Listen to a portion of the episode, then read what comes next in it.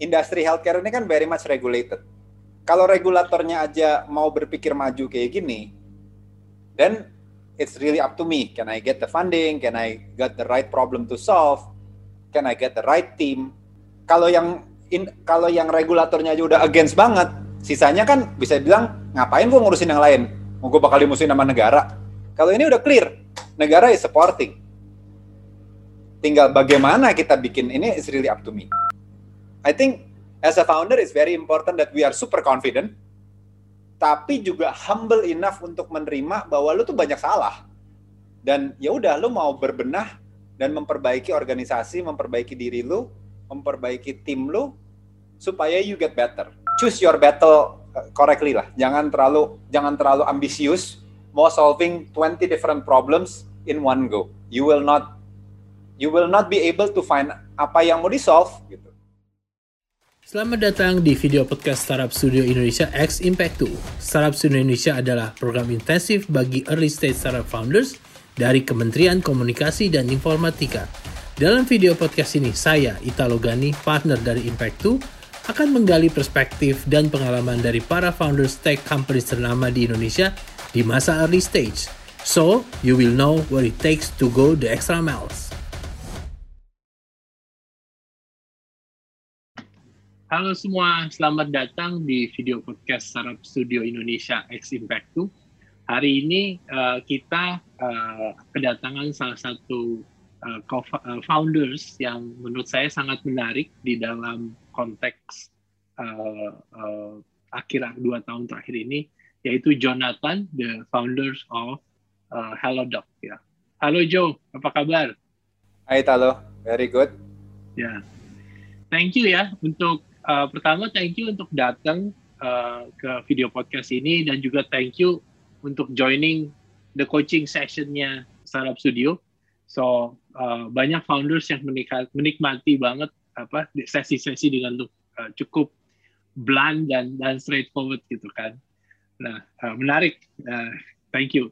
So, mungkin awalnya uh, boleh cerita tentang dirimu, uh, karirmu gitu, uh, gimana sampai akhirnya uh, menciptakan Halodoc. Uh, bear in mind, video podcast ini kita fokus waktu lu pertama ngebangun uh, apa? ngebangun Halodoc gitu kan, which is tahun pertama, tahun kedua karena emang di kita buat video podcast ini untuk menjadi guideline para early stage founders mungkin satu hal yang gue juga um, mau juga thank you juga buat Halodoc Team. Kalau nggak ada Halodoc dan tim, mungkin uh, Indonesia akan lebih berat menghadapi COVID. Thank you for uh, membangun uh, sebuah startup yang benar-benar empower uh, uh, kita untuk bisa uh, menyelesaikan masalah COVID ini. Silakan Joe, introduce yourself. Thank you, uh, Italo, for your kind words to Halodoc. Um, ya saat ini it's a it's a time where everything is not normal. Um, jadi ya kita kita nggak usah bicara kita bicara gimana kita memulai ya. Mungkin yeah. sharing mungkin um, I graduate in 2003. Uh, waktu awal um, saya ngawalin karir saya itu sebagai sebagai medical reps sebelum build Halodoc. So mungkin story-nya um, sedikit saya cerita sedikit awal karir um, saya uh, sebagai sebagai medical reps itu kerjaannya lebih banyak uh, nungguin dokter uh, karena di Indonesia ini kalau medical reps kerjaan kita kan mesti meyakinkan dokter untuk mau menggunakan atau meresepkan obat yang kita bawakan gitu kan Nah tentu kan kita nungguin dokter yang laku kan. Kalau dokter yang nggak laku kan, ya you don't use your best time untuk untuk get the best result out of your time kan. Mm-hmm. Nah jadi kalau dokter yang laku itu di Indonesia umumnya bisa kerja sampai jam satu pagi. Jadi kalau kita kan pasti the bottom of the food chain gitu kan. Jadi kita yang yang paling terakhir. Kalau niat ya nungguin sampai jam 2 pagi. Dan kalau mau ketemu sama dokter jam 2 pagi, pasti dia juga udah capek kan.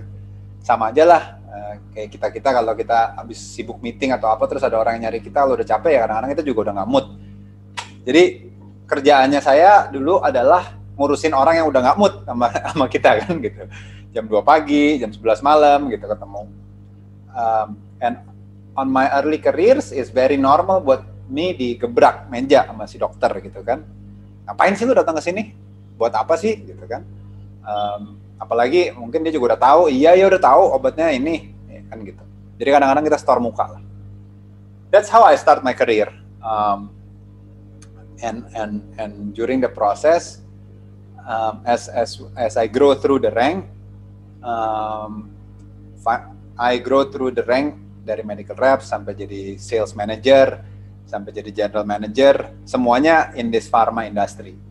Tapi karena di dalam pharma industry ini um, side effect dari nunggu itu, saya jadi I got to know a lot of people atau a lot of patients yang in pain, ya kan? Karena oh nungguin dokternya nggak ini, um, terus WhatsAppin dulu bukan WhatsApp ya, telepon ya ke saya kan, ke gua gitu. Eh, tolong dong tanyain nama dokter Andreas, dokter Nicholas, dokter siapa. Tanyain dong obatnya ini boleh nggak? Atau terusin nggak? Aduh ini isunya apa ya, and on. Dan di saat itu um, baru gue kepikir, gue bantuin 50 orang deh maksimum in a week misalnya kan. Uh, ini kan bantuin orang kan, karena daripada orang ngantri nelpon suruh gue yang nanyain waktu ketemu dokter. Itu yang gue kepikir padahal Indonesia ini 200 juta orang loh. Um, gimana ya caranya untuk kita bisa bikin bantuan Jonathan ini direplikasi? Kan nggak mungkin semua orang telepon Jonathan nggak mungkin semua orang telepon medical reps yang kenal sama dokter. There where it comes to my head gimana kalau kita pakai teknologi jadi kan tadi Italo cerita awal tahun-tahun pertama. Jadi I started my corporate careers itu almost sejak 2003 sampai 2015. So what 12 years uh, corporate careers. Um, before I start have that aha moment. Eh, gimana ya kalau kita pakai teknologi? So when that uh, aha moment came, ya udah kayak mungkin orang-orang lain ya kita mulai gambar-gambar kan, mulai tulis-tulis, mulai ini mulai ngobrol sama orang-orang yang senior-senior gitu ya. Um, I'm very lucky that my my my circle atau my friends adalah orang-orang yang yang memang pemikir besar lah gitu ya. Um, I always say that my Dr. Frankenstein itu Andre yang saat ini CEO-nya GoTo sama Nadim uh, yang waktu itu sebagai CEO Gojek, co-founder Gojek dan saat ini Menteri Pendidikan. Karena beliau-beliaulah yang meyakinkan me to you can actually do it lah John gitu. Why don't you why don't you you build this? So after talking to them I went to Ministry of Health.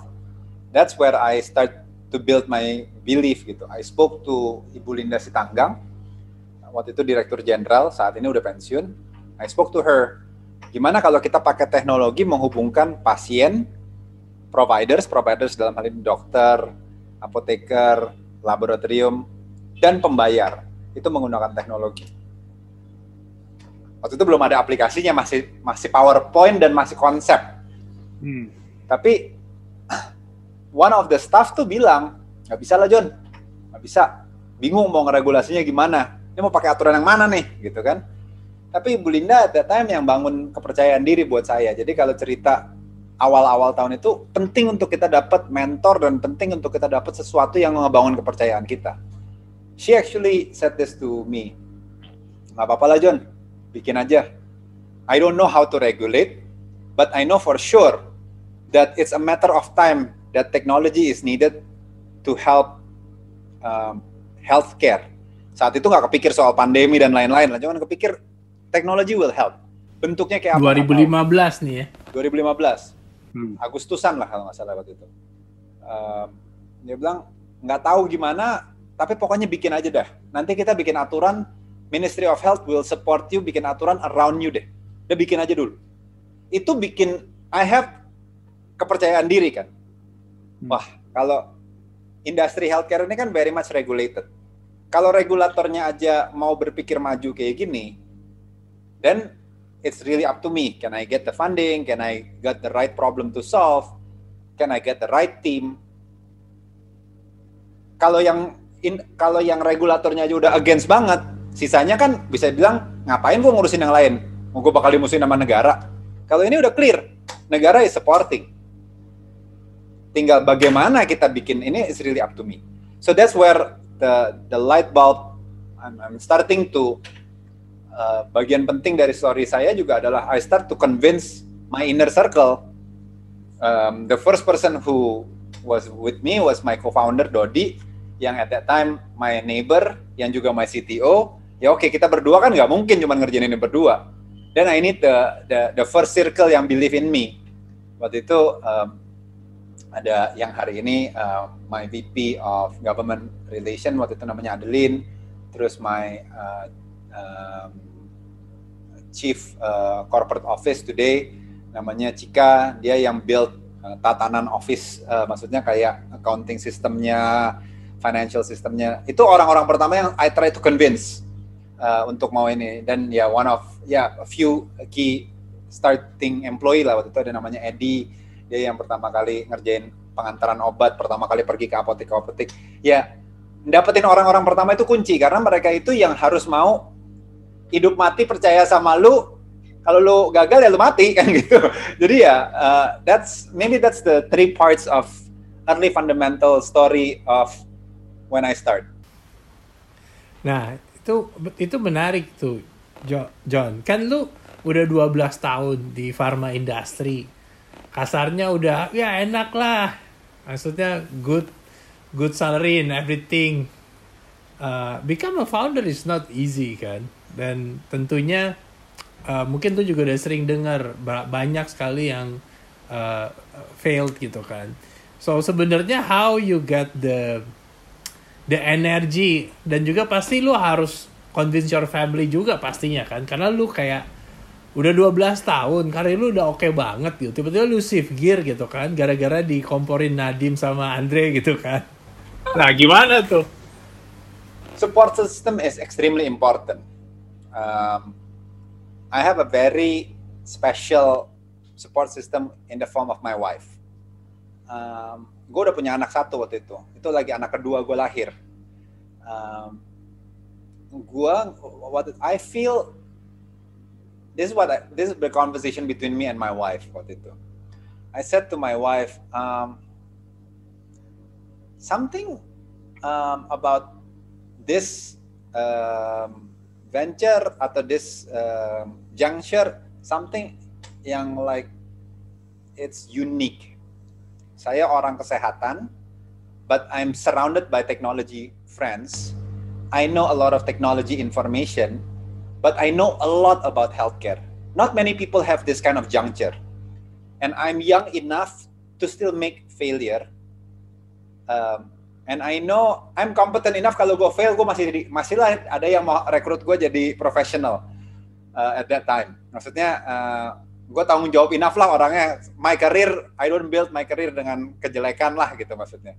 So tapi kalau my wife waktu itu nggak berani ya juga pasti saya nggak berani lah gitu kan. Sebagai kepala keluarga you need that.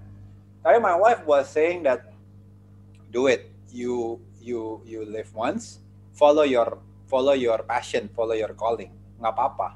Uh, we will be we will be supportive to whatever happen in your output and your outcome. Itu sangat memberikan kepercayaan diri gitu kan. Kalau udah kayak gitu kan ya udah. Kita hajar maju maju jangan udah jangan takut lagi. And to be very honest ignorance is bliss. Ada sebagian ada sebagian hal yang karena gue nggak tahu jadi gue jalan aja contoh me and my co-founder Dodi kita nggak tahu nih bikin aplikasi itu susah gue bilang sama Dodi, Dot, tolong bikin 6 aplikasi dalam 6 bulan. Wih. Ini beneran nih. Saat itu 6 aplikasi, kenapa? Android iOS kan berarti dua aplikasi ya? Ya.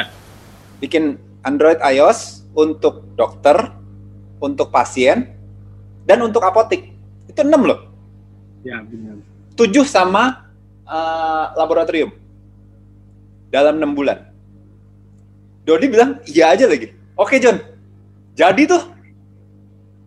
Oh, today of course we dismantle all that apps into one application Halodoc and, and, and so on and so on. Tapi cerita saat itu kalau the same me of today kembali mengadvise Jonathan saat itu, gue akan bilang jangan John, you're crazy. Tapi saat itu karena gue juga nggak tahu dan mungkin lingkungan gue juga tahu-tahu enggak, nggak ada yang ngerti juga saat itu kan. Ya silahkan aja, kita jalan gitu.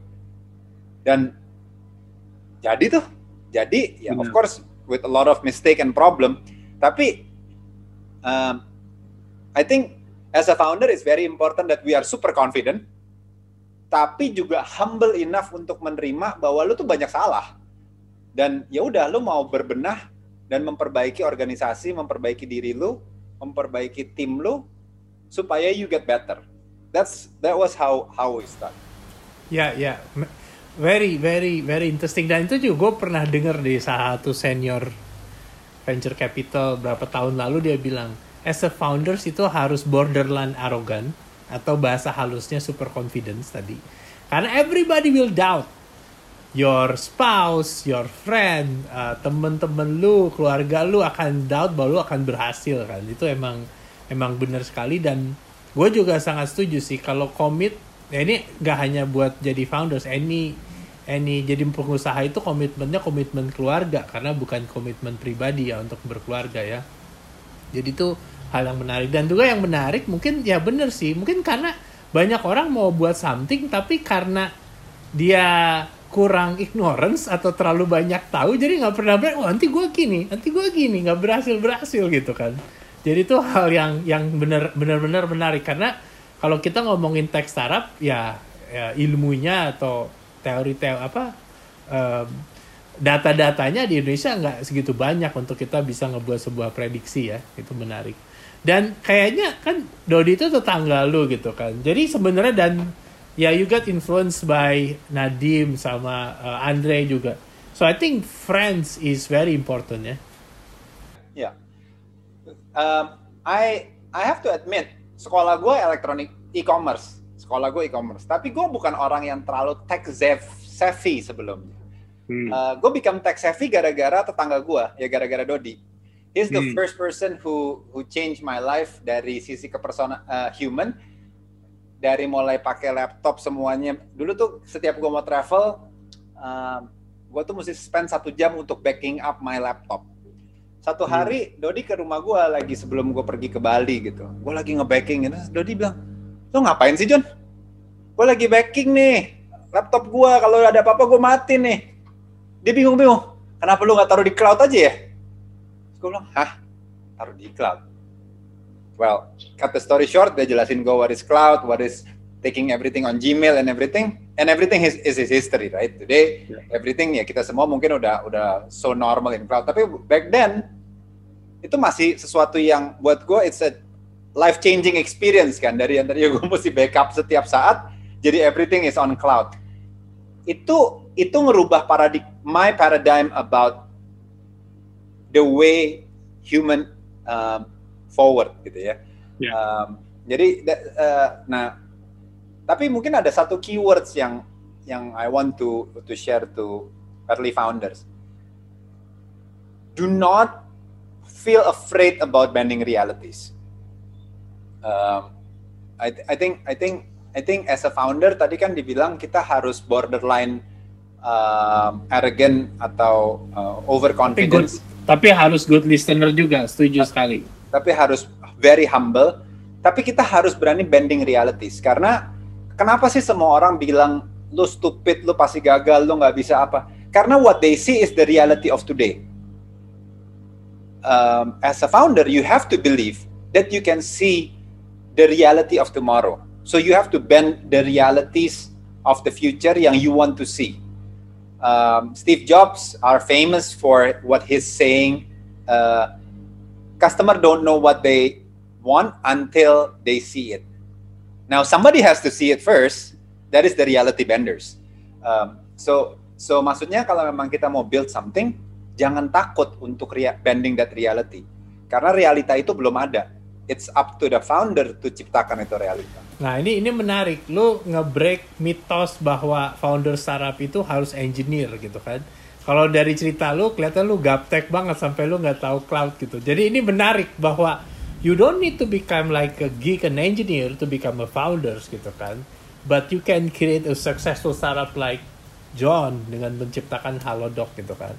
Nah pertanyaan gue adalah what is what it takes ya? Apa yang diperlukan untuk menjadi founders gitu? Karena kan banyak mitos-mitos lo lu harus engineer segala macam. Dan waktu lu ngebangun Halodoc apa sih yang kalau lu bisa kasih summary apa sih yang uh, skill yang paling penting sehingga menciptakan sebuah uh, startup? Number one, uh, if you're building a tech company, of course you need to have a very strong engineering mindset. Yeah, uh, you need to have a very strong problem-solving mindset.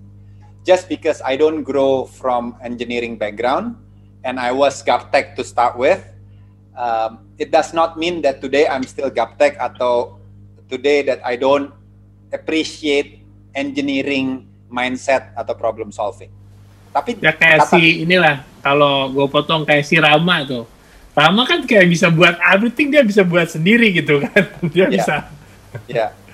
Yeah. Kata kuncinya adalah uh, capacity to learn. I think that's the kata itu kata kuncinya.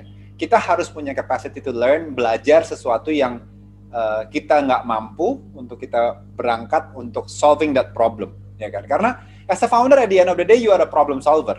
That problem is is then being being branded into one brand. Uh, Halodoc is a is a problem solver for healthcare.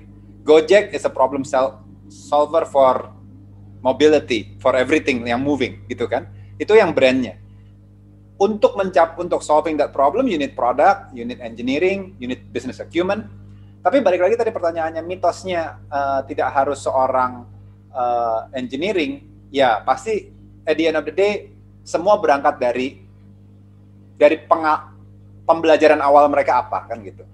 But what I believe yang nggak kalah pentingnya adalah orchestrating. That's why uh, orchestrating resource itu uh, is very important. In my team in Halodoc, we have seven uh, council members. Kalau uh, I would say ya, seven council members itu partners lah of of mine. Kita skill setnya beda-beda. Ada yang jago di engineering, ada yang jago di product, ada yang jago di uh, coaching as leadership coaching, ada yang jago di uh, pegang keuangan yang rapih bener, ada yang jago ng ngurus uh, bicara sama investor, reality vendors gitu-gitu. Tapi kita waktu kita jadi satu, we become a very solid um, we become a very solid um, team gitu.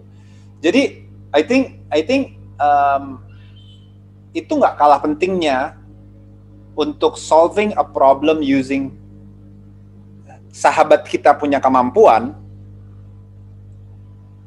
tidak harus dari kita sendiri karena I myself reside from the position of CPO many many many CEO atau founder of a company always the CPO of the company I can say to you openly that I'm not the CPO of Halodoc. Alphonse is the CPO of Halodoc. Why? Because I think he's the smartest guy in solving problem. So you have to accept that. Dulu bertahun-tahun, awal tahun pertama, semua pokoknya Jonathan putusin deh produk. Sekarang Jonathan mesti tahu, minta tanya sama Alphonse, Alphonse, gimana Alphonse kalau ini? Ntar sering, nggak aja, you're falling in love with solution. What's the problem you're trying, you're trying to solve? Ya udah, as CEO, as founder, Lo nggak boleh tengil mentang-mentang lo CEO, mentang-mentang lo co-founder, terus lo harus didengar. No, you have to think what is best for the company. Jadi kita mesti punya loyalty to to the company, bukan loyalty to yourself. Itu yang sering terjadi kan adalah uh, problemnya sama co-founder sama CEO itu adalah karena kita udah pernah berhasil karena kita posisinya nomor satu terus kita bilang apa pun yang kita ngomong udah kayak sabda. Itu paling bahaya. Benar benar menarik. Ya salah satu yang menarik yaitu so you need to in love with your problem ya. Nah boleh cerita nggak ya cerita waktu awal-awal ngebangun Halodoc gitu kan? Yang tadi kan lu buat 6 aplikasi itu kan itu startnya itu tahun berapa sampai lu menjadari setelah berapa bulan lu menjadari itu nggak jalan setelah berapa bulan lu mengiterasi proses iterasi yang terjadi di awal-awal tahun pertama seperti apa? Boleh cerita konkretnya nggak tuh? Tahun 2015, kira-kira bulan apa ya? Bulan Oktober ya kita bikin 5 6 aplikasi itu. Kita launching tanggal 21 April. Jadi kira-kira 6 7 bulan ya. uh, 21 April launching.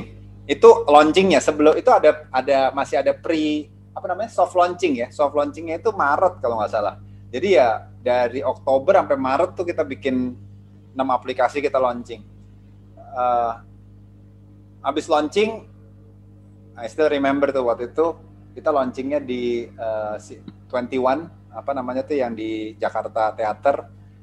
Um, udah uh, ini kan um, ketua ID waktu itu pertama kali launchingnya terima telepon dari pasien pertama video call di panggung. Itu jantung udah mau lepas rasanya. Kalau misalnya pasien nelpon tahu-tahu nggak jalan gila juga udah deh, lu selesai live, jadi live beneran tuh live live pasiennya nge-call. Jadi bukan bohong-bohongan pasiennya. Pasiennya dikasih tahu, lu suruh nelfon, oh. tapi pasien beneran. Oke. Okay. Pasien beneran. Um, dan bukan dari kantor pula. Now that I do retrospective, harusnya di kantor ya. Waktu itu kita bener-bener kita nelfonnya dari uh, dari Tangerang pokoknya waktu itu. Hmm. Saya lupa nama kampungnya apa, pokoknya dari Tangerang. Itu nelfon ke ketua ID di panggung. Ya hokinya semuanya lancar. Kan anything can happen ya gitu ya waktu itu. Hokinya semuanya lancar. Nah jadi uh, it was an amazing party tapi the first three months was not really amazing. Karena um, Halodoc ratingnya 1,9 oh my god. Kenapa? Simple orang pakai semua dari Halodoc kagak ada yang beres pertama pakai buat ngobrol sama dokter. Dokternya ada 20 ribu. Tapi kalau diteleponin satu-satu, banyak yang nggak nyaut. Ya dokternya lagi hmm. praktek, dokternya lagi apa, nggak ada. Hmm. Jadi pasien sama dokter nggak match up. Pasiennya, dokternya juga komplain, eh, lu kata bilang bakal banyak pasien, mana yang telepon gua nggak ada? Miss call terus kan, kasarnya gitu kan, bodoh-bodohannya. Obat, dari 100 order yang terdeliver cuma 20 jadi semua yang kita bayangkan gagal semua lah kasarnya. Nah, ada dua hal yang aku pengen share di dalam story ini. Satu tentang um, satu tentang yang namanya Big Bang sama um, incremental iteration. Jadi Halodoc waktu kita mulai itu kita menggunakan Big Bang approach. Jadi build the product very very ceritanya bagus menurut kita. Terus uh, semuanya teknologi, semuanya apa segala macam. Jadi sekali ada yang salah, tuh kita big bang lagi mesti ngerubahnya. Uh, today, Halodoc philosophically kita punya launching of a product itu every two weeks, hmm. uh, every service. Jadi kita nggak pernah build satu produk terlalu besar, kita bikinnya sedikit demi sedikit, sedikit demi sedikit. It's a continuous iteration process. Itu nomor satu yang menurut saya uh, I want to share. Janganlah pakai uh, big bang approach. Use um, uh, small iteration, continuous development. Karena big bang approach itu um, I can guarantee almost almost pasti fail lah, gitu. Um, if not 99.9% fail. Um, karena mungkin ada yang berhasil, I just don't know gitu kan. Hokinya tinggi banget tuh paling.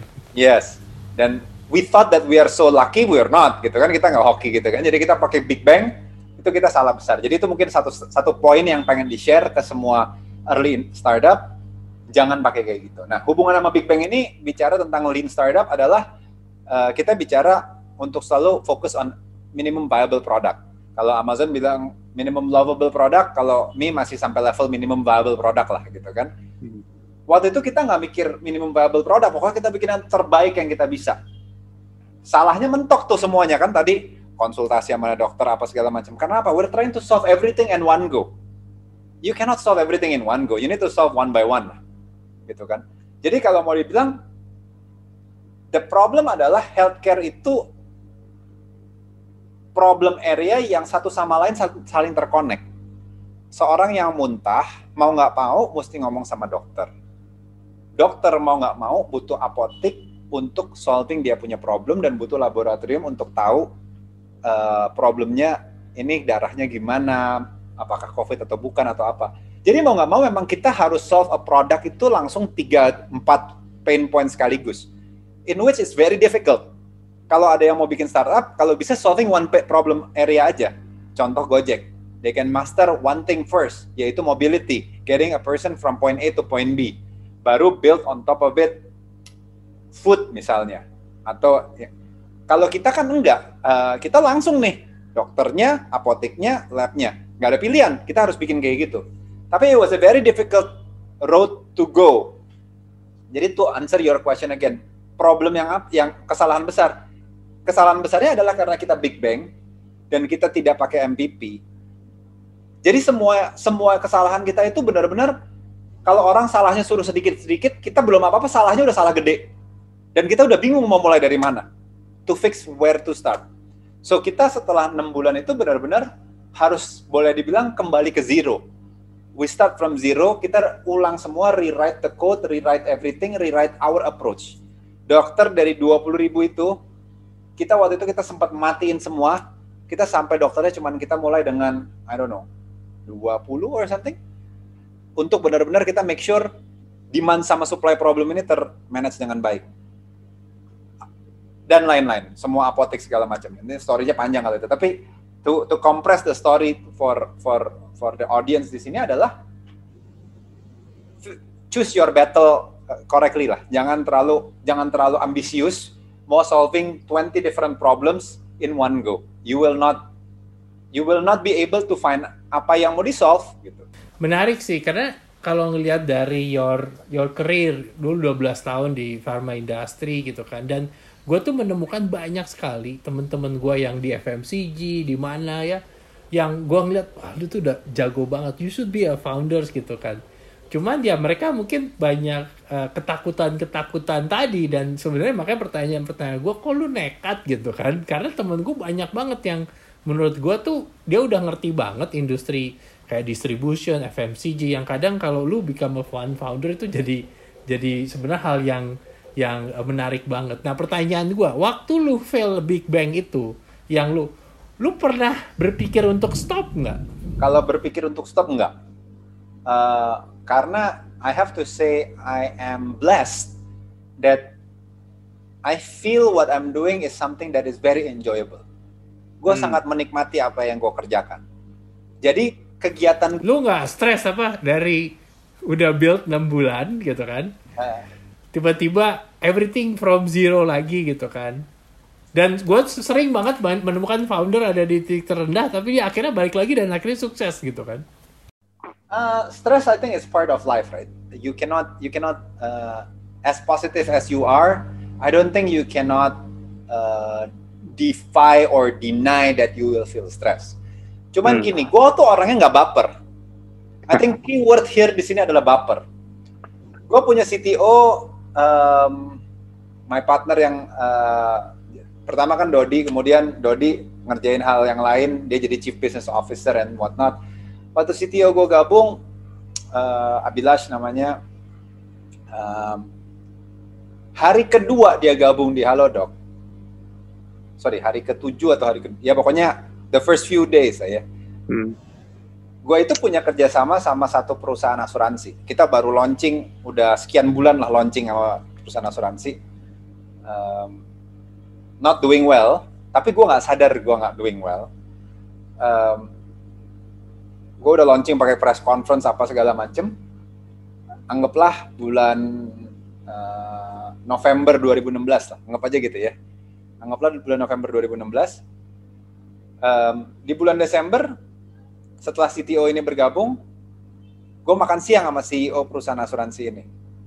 Makan siang kita ngomongin oh project kita yang kita udah launching ini gimana gitu. Oh, it's, it's good. Kita pokoknya belum terlalu banyak yang pakai, tapi kita mau uh, kita mau melakukan aktivitas ini, mau bikin promotion, roadshow, bla bla bla. Oke, okay, great. Pulang makan. Sampai kantor, my CTO bilang gini, John, I think I'm going to kill this product. Apa? Apa bi? I'm going to kill this product. Lo tau kan gue baru makan siang sama CEO-nya enggak. Tapi I'm going to kill this product gue bilang kenapa? Look we launched this for two months. Yang pakai cuma dua orang. Lu spend enam bulan engineering resource dan lain-lain, again ini Big Bang ya, yang pakai cuma dua orang, wah itu gue pulang dari situ gue, ini gue salah pilih CTO, apa apa apa gimana nih, ya kan? Wah gue bener-bener malam itu kalau mau dibilang stres tuh malam itu gue gue defining moment tuh. Hmm. Besoknya gue ketemu sama dia lagi, gue bilang, setelah gue merenung, bertapa gitu ya, uh, antara ego baper dan ini ber, ber bergulat gitu kan akhirnya gue sadar gue yang goblok sih gue bilang kayaknya lo yang bener deh kayaknya emang gue fall in love dengan solution nih gue nggak fall in love sama problem hmm. udah deh mulai sekarang gue ambil nggak ambil product decision deh. Lo aja yang ambil saat itu hmm. Alphonse belum belum belum seperti sekarang. Alphonse masih masih baru gak masih junior lah. Hmm. Langsung gue bilang lu aja deh jadi CPO gue juga. Lu didik orang di tempat kita lu didik Alphonse. Ya waktu itu dia didik beberapa Alphonse yang jadi akhirnya. Tapi intinya di situ uh, ujian terbesar gue dan gara-gara itu then I change the whole philosophy of the company. Dari yang tadinya kita big bang jadi incremental. Dari yang tadinya kita punya semua solusi ini lu bayangin kita punya delivery of medicine cuma 20 persen. Sebelum MyCTO join, kita rewrite a code, uh, kita ganti semua solusinya, kita bilang, oh ini pasti nggak nggak 100%, eh nggak ya fulfillmentnya nggak bagus, karena orang sebenarnya mau obatnya lebih murah, mau apa, kita kasih aja solusinya gini, habis orang pesen, pokoknya di instead of satu penawaran, keluar tiga penawaran, yang paling murah, yang paling deket, uh, yang paling komplit, tinggal orang suruh pilih sendiri. Tapi we forgot the real pain of patient adalah ternyata waktu itu kalau orang tuh order di Halodoc, dia tuh baru dapat jawaban dua jam kemudian. Karena para apotek ini baru kalau lagi ingat lihat oh di handphonenya ada order ya udah deh gue masukin apa segala macem. After dua jam orang udah hilang, orang udah nggak ada yang nungguin aplikasinya. What they want is instant, right? You put the medicine that you want, within 30 second Halodoc answer you produknya available atau enggak, harganya segini. Lo mau lo pencet Nah, itu another fa big failure yang we had. Tapi only after that one defining moment that tiba-tiba my CTO bilang, gokil ya produknya besok. Itu baru gue sadar semua yang kita kerjain ini salah total nih. Ya udahlah. Nah, di situ butuh humbleness of a leader untuk bilang, ya deh, semua yang kita bangun ini di build on top of all this hypothesis kita bubarin deh. Kita kita ganti semua. Dah, lo mau apa? Apa yang menurut lo benar? Lo kasih gue resep obat deh, kasarnya. Oke John, kita ngerjain A, B, C. Bayangin dari 20 ribu turun ke 20 dokter atau 10 dokter, I can't remember. That's a significant cut loh. Untuk sesuatu yang kita mesti believe. Akan terjadi. Jadi itu kalau mau dibilang ya, that was one of the darkest moment of Halodoc history. Karena uh, karena waktu lagi ngeganti itu dan gue mesti percaya sama my CTO yang saat itu juga CPO ya kan nggak langsung jadi benar kan nggak waktu dia kasih masukan itu tiba-tiba seminggu kemudian our transaction jadi bagus enggak it took us another three four months sampai kita akhirnya mulai begini gitu kan. Tapi kan kita mesti mesti tabah tuh menghadapi percobaan mental yang besar. That's something that I if I can share ya ya itu. Makanya kita mesti super confident tapi super humble untuk menerima bahwa lu salah. Asih, menarik, menarik. Nah, sekarang kalau gue tanya kan um, Halodoc ini kan is, is a two sided business kan? Maksudnya ada si consumer terus di sini ada dokter ada apotik gitu kan? Dan ini selalu yang menjadi masalah waktu early early startup founders itu lagi mau ngebangun two sided business konsumernya dulu dinaikin atau dokternya dulu dinaikin ya kayak lu kan bisa langsung 20 ribu gitu kan adanya dokternya jadi unhappy terus dia nggak aktif nah apa sih kuncinya two-sided business ya, John? Gue believe on supply ya. I oh, believe okay. the first always on supply. Karena if you're not strong in supply, how can you get demand? Kecuali you start from content. If you start from content, then it's okay. You do not have to focus on supply kan. Tapi even content, you have to manage your supply con, supply of content first. Jadi kalau two-sided, I always start focusing on your supply, tapi managing their expectation eh we're building this demand and supply um, platform. Give me three months of embedding you. Ya, mungkin di saat itu ya mungkin you need investor money untuk keep them happy lah. Kalau boleh belajar sama Alibaba dulu kan, waktu mereka baru buka, dia yang beli sendiri kalau nggak salah ceritanya kan. Hmm. Itu kan to keep your supply happy. Tapi you cannot give barang bohong-bohongan ke demand kan. Gitu kan. Hmm. Jadi kan ya in my opinion always focus on supply first. Menarik. Jadi you you build the supply first, you got the strong and then maybe you after that you increase through uh, marketing the the the demand ya. Ya. Menarik, menarik. Uh, kalau di lebih detail lagi di supply itu aktivitasnya apa ya untuk menjaga? Is it like disubsidi gitu kan? Atau seperti apa gitu kan untuk supaya dokter ini happy dan apotek ini happy? Bisa sekarang dokter gitu. Mereka bisa se seminggu dia dapat 10 10 transaksi ya misalnya.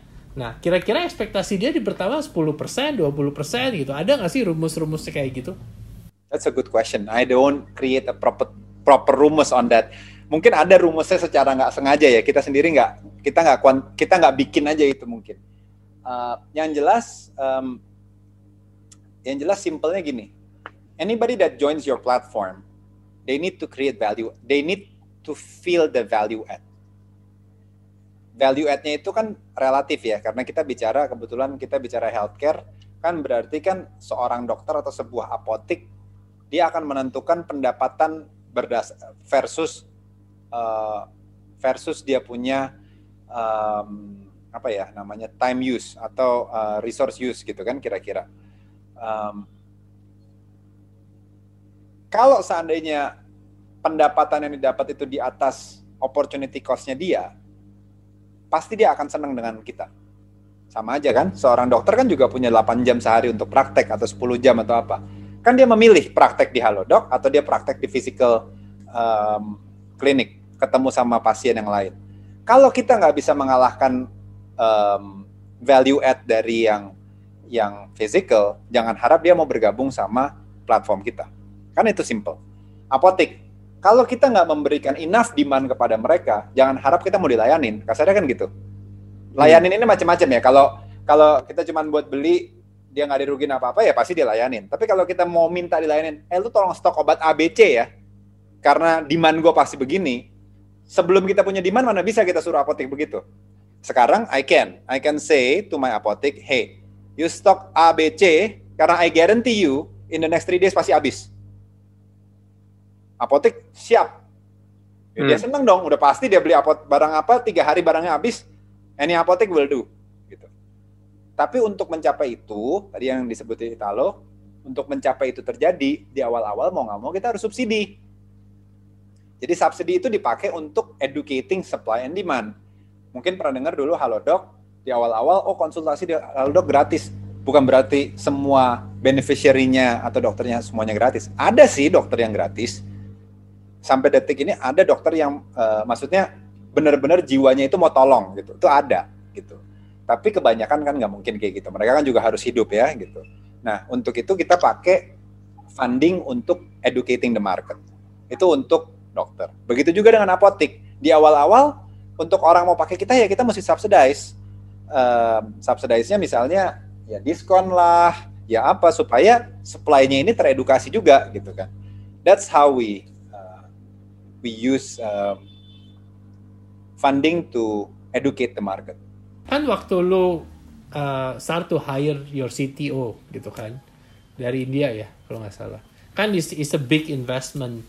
When actually momen yang tepat tuh kapan sih melakukan uh, kan awal itu kan kita uh, kita mencoba kita coba iterasi gitu kan mungkin ada istilahnya no code segala macam sampai menurut pengalaman lu kapan harus mulai invest in the proper CTO uh, sama engineering team itu uh, apa? Is it bulan tahun keberapa atau di titik mana gitu? Sebenarnya philosophically from day one uh, if you're building a tech company, you must be a tech first organization. Um, so my co-founder Dodi is a very proper CTO sebenarnya from day one. Hmm. Jadi kita emang udah memiliki kompetensi uh, teknologi dari hari pertama yang banyak orang suka nanya John lu dapat dari mana ya gue hoki aja tetangga gue ya, kalau Hmm. ditanya mau, mau ngomong apa ya nggak bisa. I cannot memungkiri bahwa that was pure luck. Kok bisa my my neighbor dan me and my neighbor deket pula gitu kan? Biasanya orang sama tetangga juga belum deket kan gitu. Hmm. ini, ini me and my neighbor bisa deket dan dia orang orang engineering gitu kan.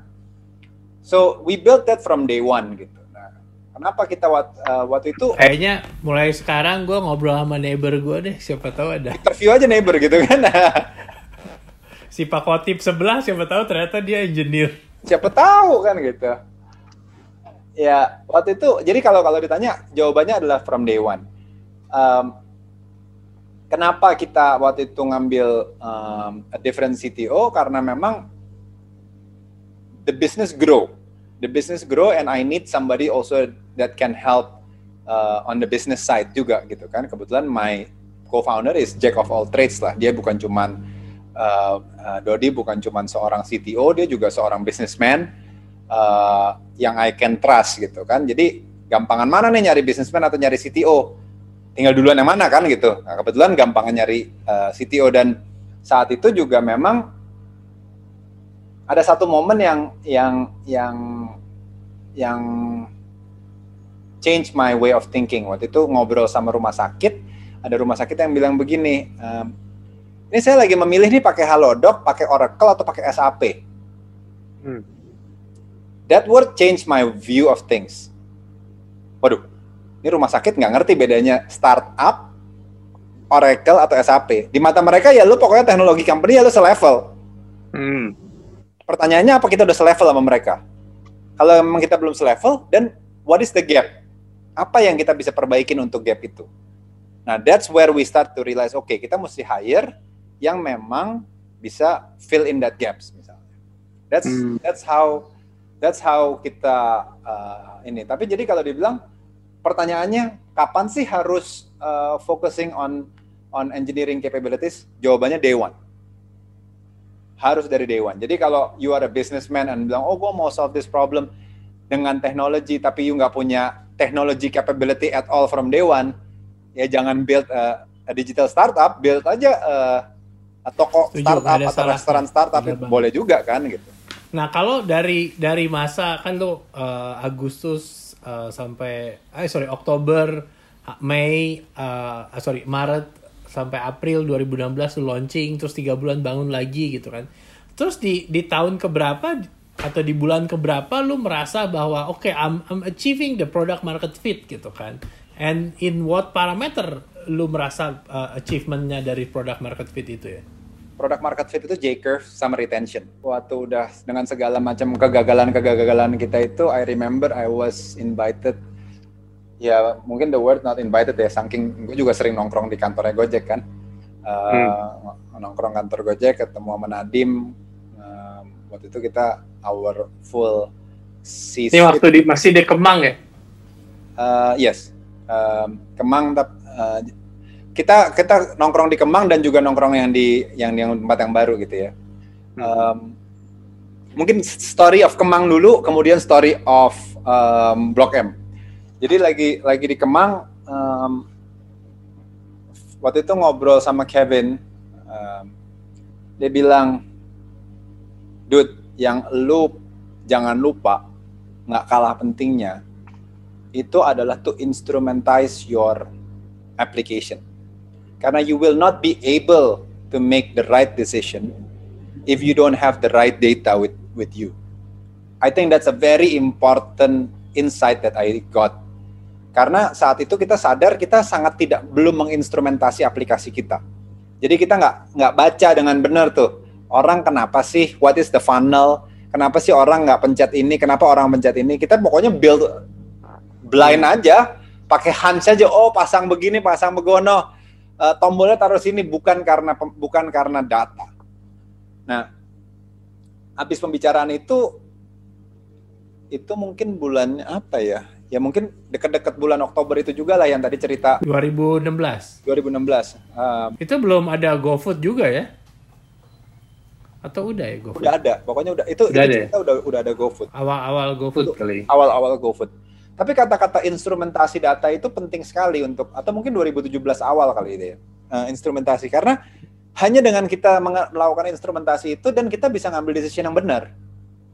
Um, satu contoh decision yang benar yang kita for me was phenomenal ya. Ceritanya adalah gini.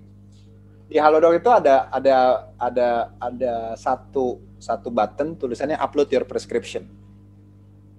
Waktu itu ya. Um, tulisannya gini. Kita pertama bikin upload your prescription and we'll do the rest. Setelah kita instrumentasi, kita do A and B testing. Instead of upload your prescription and we'll do the rest, kita do upload your prescription and we'll bring the medicine to your doorstep. Cuman perubahan kata-kata loh, nggak perubahan hmm. tempat, nggak perubahan service. Cuman perubahan kata-kata, itu impact-nya 36% in a day. Growth. Now, tapi itu karena kita instrumentasi dulu datanya. Kalau kita nggak melakukan instrumentasi, itu we will never be able to to see what we need to focus, which funnel that is dropping. Nah, jadi dari instrumentasi itu baru kita ketemu kita punya curve um, karena kita melakukan banyak perubahan.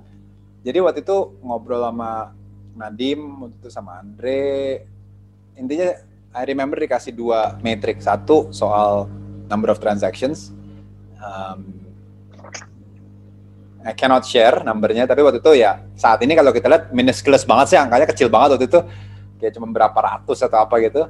Sama um, sama uh, repeat today our repeat rate is 80% today back then ditantangnya suruh 40 I'm, I'm one of yours thank you uh, uh, waktu itu disur ditantangnya pokoknya lu pokoknya udah 40% aja lu udah oke okay lah. At that time I think our repeat rate was like 9% or 7% gitu. Jadi kita udah, ah suruh 40% gimana caranya nih gitu kan.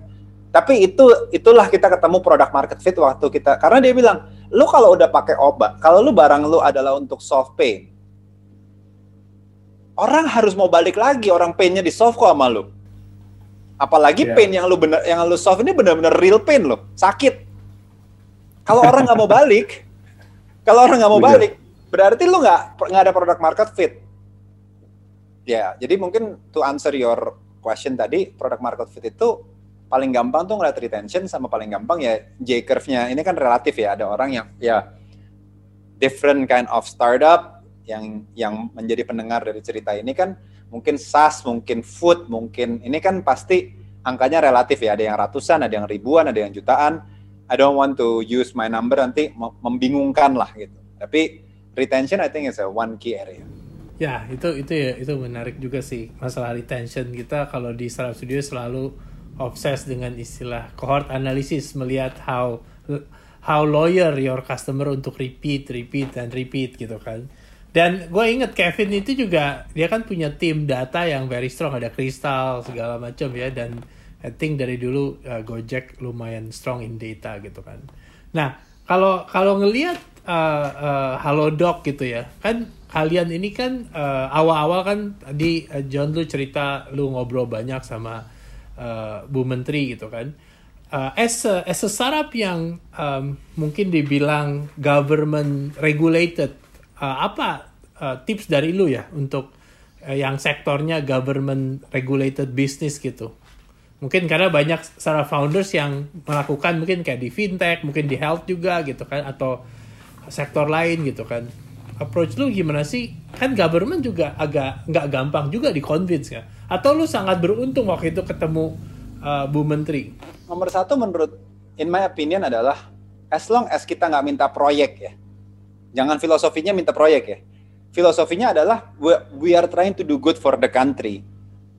Our countrymen dalam in the form of menteri, dirjen dan lain-lain juga punya niat yang lebih baik buat negeri ini kok. Itu itu yang filosofi itu filosofi yang saya yang I, I hold. Jadi I talk to menteri, to Kominfo, to Kementerian uh, Kesehatan, to Badan POM itu sebagai contributor. Hey, I have this idea that this country will be good kalau begini. Bukan, eh boleh nggak kalau seandainya proyek ini saya yang ngambil ya. Itu dua filosofi yang berbeda loh. Kita berbicara sama pemerintah, kalau filosofinya udah mau cari proyek, you will not think what is best for the country. As a matter of fact, I always use that approach dan rasanya pemerintah mana pun karena pemerintah kita ini reseptif tuh masukan, mereka juga tahu kan, oh ini orang-orang yang niatnya baik kok untuk negeri. Uh, Oke, okay, memang aturan kita sekarang A, mungkin kita perlu jadi B. Karena negeri ini akan lebih baik kalau seandainya B, baik itu fintech, kesehatan, transportasi, makanan, dan lain-lain. Jadi selama filosofinya adalah we are doing this because we are patriotic and loyal to the country. Mungkin pendapatnya nggak sama, mungkin dari pemerintah bilang, ya masukan kamu bener sih John, tapi susah nih birokratisnya panjang ya. Kita juga mesti punya empati dong. Bukan berarti mereka nggak mau tolong atau mereka nggak mau melakukan yang baik, tapi mereka juga mesti mengerti ada, kita juga mesti mengerti ada ada ada proses lah itu semua. So I think I think that's that's the most important thing, the philosophy karena caranya Jonathan bicara sama Kementerian Kesehatan atau Italo bicara dengan Kementerian Kesehatan atau siapa pun kan pasti beda-beda. I cannot teach you how to say or who to talk or what. But I can teach you one thing, philosophically you need to be correct. Philosophically adalah try to do good for the country and you communicate that that mission, that that vision. Siapa pun akan mendengarnya juga dengan baik. Yeah. Menarik sih. Gue juga kalau ketemu government people, mungkin kalau ada government people dengar sini, saya bilang, ya jangan dikasih project startup itu. Dikasih masalah. Biarkan mereka cari duitnya dari venture capital, kasih mereka masalah untuk solve. Dan de, de, mereka harusnya balik dengan bisnis model yang sebenarnya uh, hari apa uh, fair gitu. Apa revenue sharing atau kayak gimana gitu kan. Karena sebenarnya startup itu perlu masalah gitu. Kadang mereka susah mencari masalah gitu kan. Itu yang yang menarik kerja sama government. Dan thank you juga Kominfo nih. Kita bisa ngebangun startup studio uh, Pak Semi nih sangat uh, pro untuk ngebangun early stage uh, apa early stage startup. Nah mungkin um, actually actually on that on that note I have to say huh? I seribu persen berterima kasih kepada Kominfo karena di awal sebenarnya Halodoc bukan hanya didukung sama Kementerian Kesehatan loh. If you remember hmm. when I launch Halodoc it was uh, Pak Menteri Rudi Antara yang juga melaunch Halodoc di April 2016. So, Kominfo pegang peranan sangat penting in my in Halodoc journey di dalam ngebangun um, kepercayaan para stakeholder juga. Karena uh, Pak Rudi waktu itu is is very advocating lah ya to help hmm. us um, dan seluruh jajaran Kementerian Kominfo itu sangat sangat mensupport gitu mau ke Badan POM, mau ke BPJS, mau ke mana karena um, I think um, Kominfo Indonesia ini sangat sangat positif lah terhadap uh, para pelaku uh, dunia teknologi ini. That's that's so I, I my my biggest respect to Pak Semi, uh, to the, the whole Kominfo, um, Pak Joni. I think it's it's amazing yeah, to have a country yeah. with Kominfo yang segitu produktif. So mungkin ini udah uh, uh, apa menit-menit terakhir John mungkin dari lu um, dari history uh, karir lu menarik. You are a corporate person 12 tahun. Terus you running you decide to change change gear automatically into something yang uh, quite extreme. Mungkin ada kayak uh, apa uh, your last words untuk lo sharing ke teman-teman di corporate mungkin untuk, untuk untuk pada pindah kali atau untuk para founders? I think I think um, I think kalau my mentor Pak Erwin Tenggono yang saat ini one of my board council always say to me one thing. Di hati lu tuh ada yang ada ada satu yang disebut hati kecil yang sering bicara sama kita. Um, use your use your ear correctly to listen to that hati kecil. Um, hmm. Karena sebenarnya kita itu di, kita itu dimampukan sama yang di atas untuk solving big problem or even bigger problem for the country kalau kita mau. Nah, sering kita uh, nggak uh, percaya sama hati kecil kita sendiri. Tapi hati kecil juga bisa bicara untuk mengatakan don't go, it's not your, it's not you, it's not for you. Kayak sebagai startup founder atau co-founder ini juga sering sekali I am being dihadapkan sama opportunity. Dan hati kecil juga sering bicara untuk bilang, this opportunity is not for you. This opportunity um, hanya distraction. Sering kita dihadapkan sama opportunity-opportunity seperti itu. So, uh, follow your calling. Um, of course kita nggak bisa tahu callingnya orang seperti apa. Setiap orang tahu panggilannya. Um, but if you feel it's right, whether you choose to do startup or not to do startup, I have one definition of happiness. Happiness is no regret and no worries. Um, so, um, if you want to do startup, make sure that you're happy. You're happy by not regretful of moving into what, this world and not worrying about what is coming in the future. Uh, as long as you can do that, I think you will have the energy to uh, to fulfill your dream, whether being a startup founder atau bekerja in a corporate. Oke, okay. thank you Jonathan untuk sharing session uh, hari ini. Thank you untuk datang ke video podcast Sarap Studio Indonesia X Impact 2. Uh, semoga kita bisa terus ngobrol di coaching-coaching session selanjutnya. Thank you Jonathan. Thank you Italo. Thank you um, Startup Studio. Thank you semuanya. Thank you. Ya. Yeah. Terima kasih sudah menyaksikan video podcast kami. Jangan lupa ikutin semua social media Startup Studio Indonesia.